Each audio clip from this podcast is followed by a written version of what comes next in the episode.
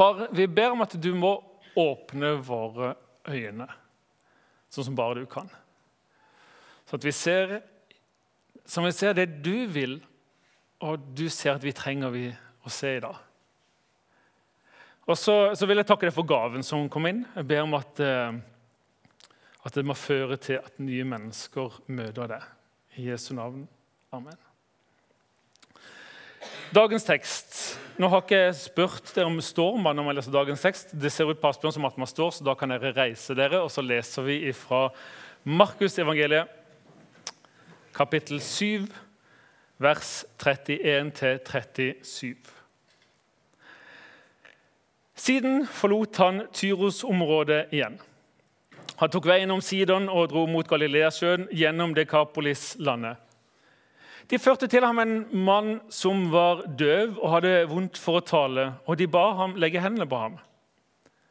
Jesus tok han med seg bort fra mengden. Han stakk fingrene i ørene hans, tok spytt og berørte tungen hans. Så løftet han blikket mot himmelen, sukket og sa til ham, 'Effata', det betyr 'lukk deg opp'. Straks ble øynene hans åpnet, og båndet som bandt tungen hans, ble løst, og han snakket rent.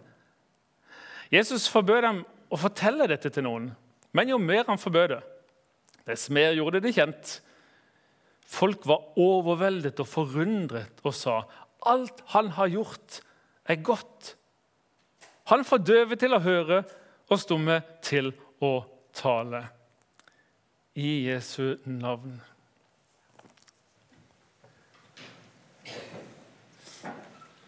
Hvem er Gud? Altså, vårt gudsbilde det er noe av det, kanskje det viktigste i livet og i vår kristentro. Et gudsbilde som ligger der bevisst eller ubevisst. Eh, det er ikke konstant, det formes og farges gjennom livet, eh, på godt og vondt. Hvem, hvem mener vi Gud er? Hvem er han? Eh, og I vår samtid så er det mange ting, som, mange historier som former og som kan bidra til å forme vårt gudsbilde. Ateisten som sier at Gud ikke fins. Det sekulære løgnen om at troen er en privatsak, og at Gud er en gud for de lukka rom. Um, modernisten som, eh, som, ønsker å forme og, få Gud til å passe i et system, eller postmodernisten som, eh, som mener at vi må snu ryggen til alle eksterne autoriteter og forme Gud i vårt eget bilde. Det er så mange historier rundt oss som kan bevisst eller ubevisst bidra til å forme vårt bilde av hvem er Gud.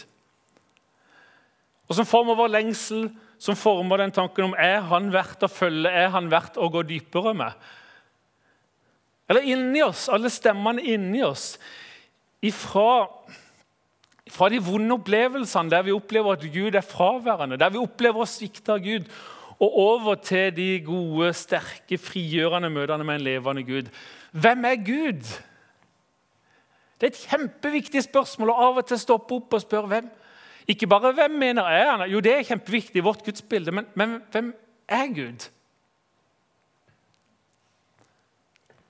Er han god?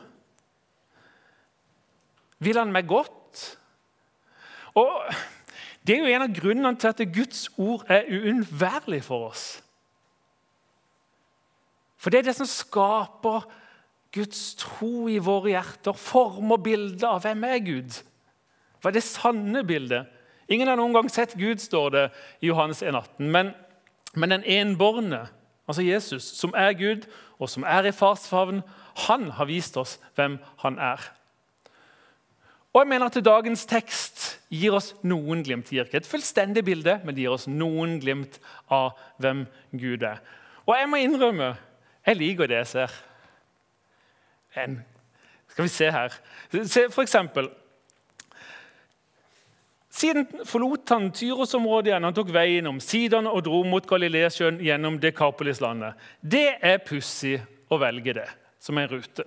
Altså, nå fant jeg kart på, på uh, Google, Google, her. for det, det, var så vanskelig å finne et gratis sånn kart fra Jesu tid. Så da tok vi og klippa ut fra Google. Men altså, vi er her oppe i Tyr, heter det nå, oppe i uh, Libanon. Og så skulle de ned til Galileasjøen eller Genesaretsjøen eller Tiberiasjøen. Okay, jo, da er det der vi går. Men istedenfor å gjøre det, så tar de turen oppover til Sidon-området. Eller om de gikk til byen eller i området, det vet vi jo ikke. Så, så, så, så det er ikke de, direkte sånn, eh, koordinatene. Og så gikk de via Dekapolis-landet, altså de, området med de ti byene. Før de da etter hvert havna nede med Galileasjøen. Det er jo det er omtrent som om hvis vi her i Kristiansand så skal vi en tur til Arendal. Og så tar vi turen om Mandal først. Vi begynner å kjøre til Mandal, og så kjører vi via Evje. Før vi til slutt. Hvorfor gjorde Jesus det? Det lurer jeg litt på. Og jeg har ikke noe fasit. Altså, hvis, jeg gir, liksom, hvis, jeg påstår at jeg har en fasit på det, så, så tar det vi, vi, Men jeg tror det er lov til av og til om ikke spekulere, men i fall undre seg litt over hvorfor gjorde han det. Noen, noen fortolkere har sagt at han gjorde det fordi for å ha liksom, tid alene med disiplene, undervise de og lære de. Og Da var han i områder der ikke navnet hans var så kjent. Og det kan godt være det er noe i det. Men jeg lurer på om vi ser en liten sånn parallell i Johannes 4. Ikke en parallell direkte historie, men hendelse der Jesus skal dra fra Judea og til Galilea. Og så står det han måtte reise gjennom Samaria. Nei, det måtte han ikke. Det var helt unaturlig. Jøder reiste ikke. Vi er der. Men hva var det som skjedde? Hvorfor måtte han det? Jo, fordi jeg mener at han måtte treffe kvinnen med brønnen. Hvorfor, reiste de denne meningsløse runden rundt her? Jeg tror de hadde en mann å treffe. Og da er det første hvem er, hvem er Gud? Han er en som går omveier for oss.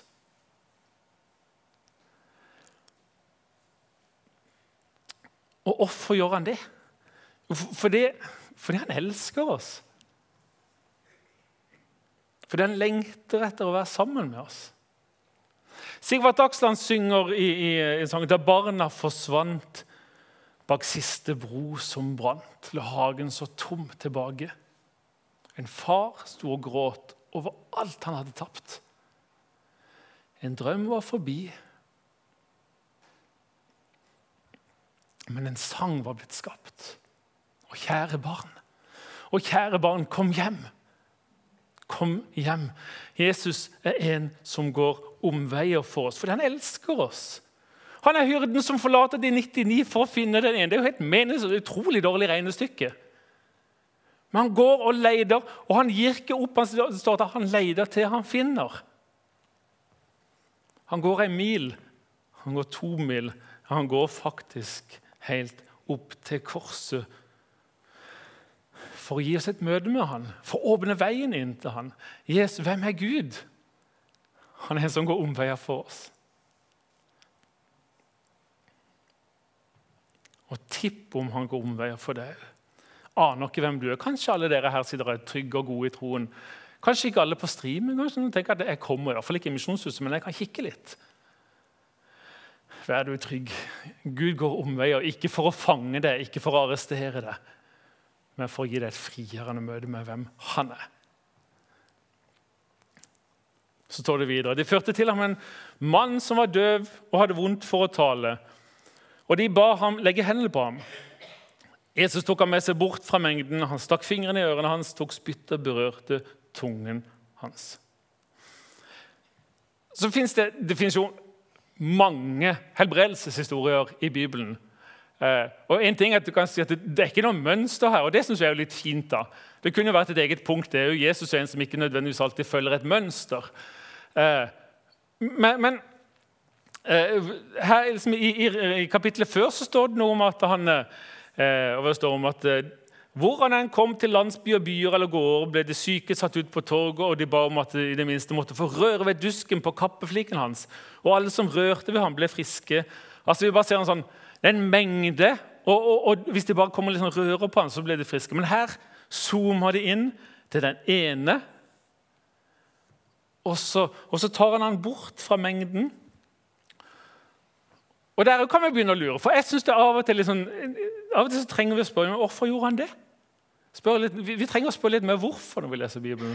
Hvorfor tok han For han gjorde jo ikke det alltid. Noen bibelfortolkere har, har, eh, har ment at det, var, det kunne oppstå en sånn forvirrelse når en døv person plutselig fikk hørsel. Kanskje.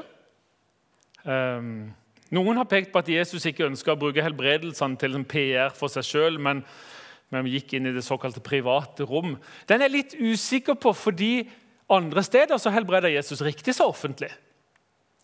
Vi skal ikke bruke det til PR, men vi skal ikke være redd for å fortelle og demonstrere Guds rike. Og jeg tror Det mest nærliggende til at han gjorde sånn, var at eh, altså, tiden for misjon for andre enn jøder ikke var der ennå.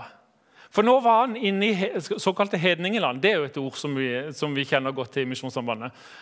Området utenfor jødiske, det jødiske landskapet.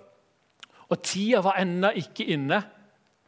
Men så så er det akkurat som altså Historien før den er jo enda, den er, den er stilig, for der er det en, en, kvinne som maser. Og Jesus kaller henne for Han kaller henne ikke direkte for hund, men han sier at det er ikke rett eh, det er ikke rett å gi maten til hundene.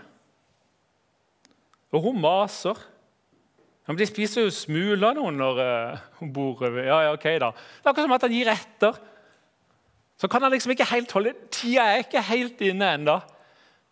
Men jeg må bare gjøre det så, så, så, så gjør han sin gjerning, og så helbreder han denne mannen. Tida for hedningmisjonen var ikke inne. Men han kunne ikke la være. Og det er det andre punktet. Hvem er Gud? Han er en som berører oss urene. Fordi det å berøre en hedning det vil han gjøre uren. Men, men det, er liksom, det, er ingenting hos Jesus som tilsier at liksom, han hadde noe motvilje mot å berøre denne hedningen, denne, denne ureine. Han elska han jo. Han hadde skapt han. Eh, Philip Jensi skriver en, eh, en, historie, en vond historie om en kvinne som eh, kommer til Jeg tror han var en sosialarbeider, han som forteller historien. Hun hadde solgt sitt to år gamle barn til prostituerte. Hun var narkoman, fullstendig nedkjørt og lurt på hva, hva skal jeg gjøre. Og tenke den smerten og hvor langt ned man kan komme. Den sosialarbeideren aner ikke hva han skal si. Og så sier han, 'Har du, har du forsøkt kirka?' Kirka, sier hun og sperrer opp øynene. Hva skulle jeg gjøre der? De ville jo bare fått meg til å føle meg enda verre enn jeg allerede gjør.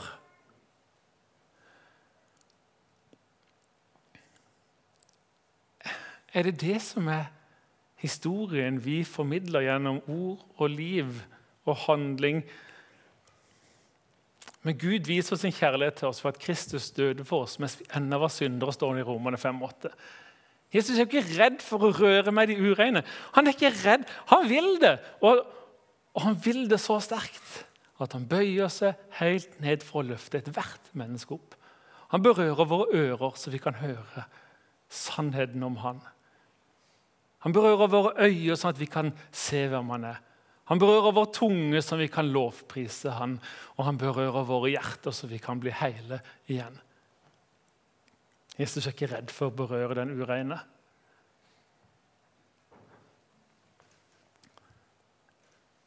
I Jesaja 57 så står det om i det høye og hellige bor jeg.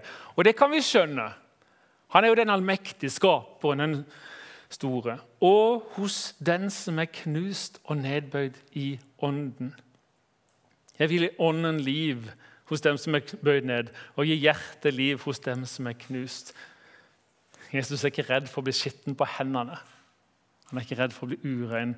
Han gikk helt ned i dritten og bar all vår synd. Som vi hørte lest tidligere. Jeg ventet og håpet på Herren. Han bøyde seg til meg og hørte mitt rop. Han dro meg opp av fordervelsens grav, opp av den dype gjørmen. Og Jesus gjorde det ikke bare ved å stå på oppsida og holde seg rein og så sette en pinne ut, sånn at de ikke ble berørt sjøl. Han la seg ned. Tok all vår gjørme. og gjorde oss rene. Og så syns jeg det er noe utrolig vakkert med at det er en fysisk berøring. Han, han, han kunne helbrede meg et ord, og det gjorde han jo mange ganger. Eh, men, men, her, i tillegg til at han berører det ureine, så, så tror jeg også det er noe med det fysiske, det skapte, som er en del av hans kommunikasjon med oss. Hendene berørte ørene, spytt berørte tunga. Det, det er forresten ganske pussig. Det er litt ekkelt. Et annet sted så spytter han på jorda, lager en gjørme og smører på øynene. Det er litt rart. og tenke, Hvorfor gjør Jesus det? det eh, eh, og Det var visstnok en sånn del av folkemedisin på den tida. Det er jo interessant at Jesus går inn i det landskapet og sier at ok, dette kjenner dere til. Da gjør vi det, og så gjør vi et under på den måten. Og Så går han inn der, og, og så, så er det sånn Gud befinner seg ikke bare i en åndelig sfære, langt heva over oss og vår hverdag. Utenfor det fysiske. Han skapte jorda fysisk, med materie. Han ble menneske fysisk for å frelse oss. Han gir oss brød og vin i nattverden fysisk, og vann fysisk i dåpen. Han kommuniserer gjennom det skapte. og Så står vi, òg i fare for å redusere verdien til materien, altså det det skapte i vår tid. Og også hos oss kristne. Vi snakker om ånd, sjel og legeme, så er det liksom det åndelige som er fint. Vi er et åndelig fellesskap, hva nå det enn betyr. Vi er hele mennesker. Skapt ånd, sjel og legeme. Og så er det akkurat som vi lager oss en slags åndelig del av livet som Misjonshuset og bibellesning eh, skal være en del av. Vi, det åndelige burde vokse, og så opplever vi at liksom, oh, ja, det burde jo... Det er akkurat som en slags sånn ballong, husker jeg følte en gang. Så den burde vokst, og så skjøve vekk alt det andre. Istedenfor å bare slå hull på det og si at Nei, men Gud, du er en del av hele min tilværelse. Også det fysiske. Noe annet er å være preget av agnostisismen, der man reduserer materien som noe ondt og det åndelige som noe godt. Altså, Gud har ikke frelst oss bort ifra det materien. Han skal gjenskape. Det var han som skapte, og han skal gjenskape. Og Jeg tror faktisk at det handler litt om vår hverdag. Maten, kroppen, sex, naturen. Det skapte. Altså, alt har jo en verdi i seg sjøl fordi Gud har skapt og gitt det til oss, men det peker også, det vitner også framover oppover mot Han som har skapt oss. Det var ei jente en gang som skrev et brev til Simon Flem Devold, som kanskje dere kjenner navnet på. Han hadde en spalte i Aftenposten i mange år. Og hadde mange sånne barn skriver til Simon. Og Så skrev hun noe Hvis jeg treffer deg på gata en gang, kan jeg få gi deg en klem? Eller kan jeg få en klem av deg? For Gud, De hadde skrevet litt om Gud. Gud er jo ikke akkurat en som går rundt og gir klemmer. Og så tenkte jeg På ett vis så er det sant. På et annet vis så går Gud rundt og gir klemmer. For vi er Kristi legeme på jorda i dag. Og vi er sendt der for å gi mennesker en klem i ny og ne. Gud inviterer oss inn i det skapte. Så løfta han blikket mot himmelen, sukket og sa til ham, 'Effata', det betyr 'lukk deg opp'. Og Det er mitt tredje hvorfor, som jeg lurte på når jeg leste dette. Eller det var sikkert flere som ikke har tid til å snakke om. Men, men, men hvorfor eh, sukka han? Hva, hva, hva, hva, gjorde han det for? Og Der òg skjønner at folk er litt sånn uenige. og sier Det noen som, det er et godt sukk, sier de. For, for liksom det er, Sukk og stønn er jo liksom ofte negativt ladd. og så snakker de, men dette er sånn det er sånn som vi kan komme med når vi spiser noe godt. Da kan jeg gjerne komme med et godt sukk. Jeg gleder meg alltid til neste måltid. Det, eh, eller som vi bedehusfolk eh, opplever noe som pinsevenner ville sagt halleluja til. Da kommer vi med et sukk. Ja. Hmm. sier vi. Det er gøy. Men, men, men er, det, er, det, det Jesus sier? Det, altså, jeg tror egentlig ikke det. Men igjen, vi, vi leser Bibelen sjøl, og vi får grave litt sjøl òg. Men, Men det brukes ikke så mange. Det ordet eh, hvis du ser på det greske, det ordet brukes ikke mange steder i Nytestamentet. ganske få. Men i Romerne 8 så brukes det tre altså Hvis du i tillegg også tar med substantivet, et sukk, så brukes det tre ganger. Om, om skaperverket, og dette hørte vi jo lest her òg. Om skaperverket som, eh, som sukker og stønner. Lengter etter forløsning. Om Guds folk som sukker med oss sjøl og lengter etter å bli Guds barn helt og fullt. Og om Ånden, som går i forbønn for oss med sukk som ikke kan uttrykkes med ord. Så langt jeg forstår det ordet sukk, så handler det om smerte og om lengsel. Det er ikke bare det gode, tilfredse sukk. Så når Jesus sukker, løfter blikket mot himmelen, sukker og sa så tror jeg faktisk at det er et frampek på hvem Jesus er. Han som ikke bare observerer smerten og lengselen og lidelsen, men som bærer han, som tar han på seg.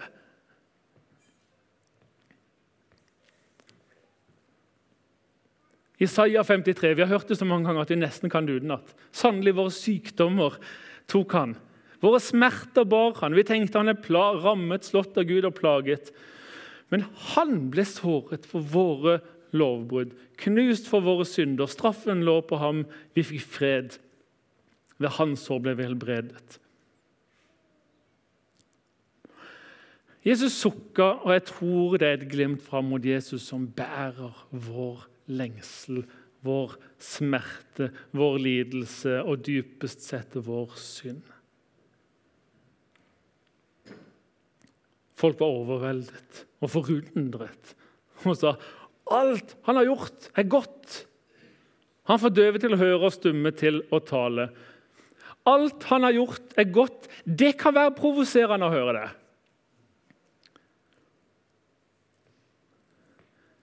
Er det, er det en livsløgn som formidles her?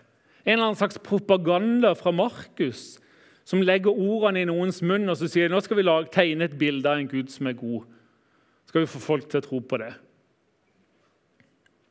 Eller, eller, er, det, eller er det en sannhet med veldig begrensa perspektiv? Jo da, de trodde kanskje de snakka sant, men de kjente ikke hele historien, disse som, som så han.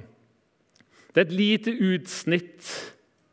Men, men så er det utallige historier, og, og, kanskje du kan fortelle fra ditt eget liv historier som tilsier at ikke alt han har gjort, er godt.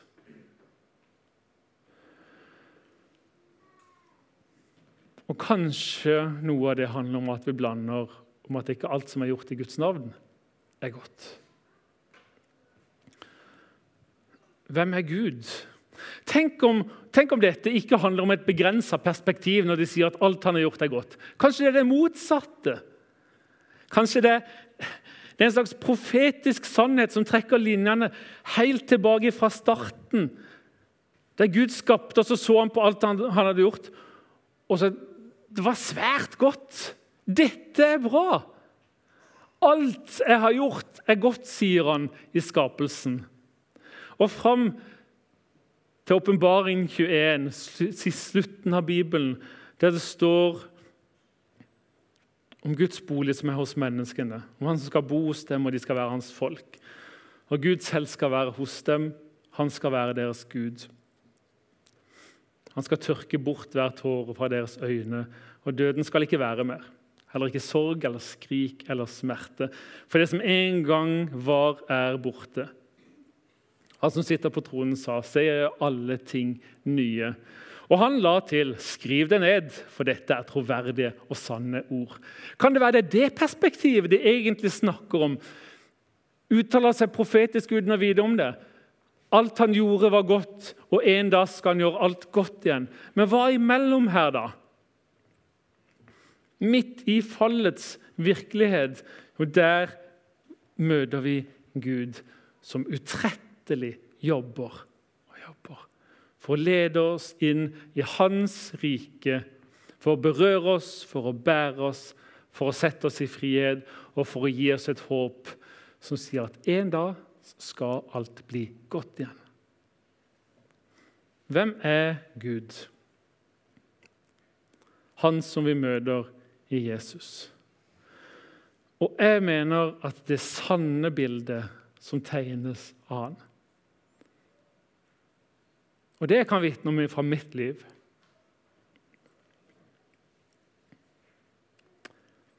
Alt han har gjort, er godt. Far, jeg ber om at, eh,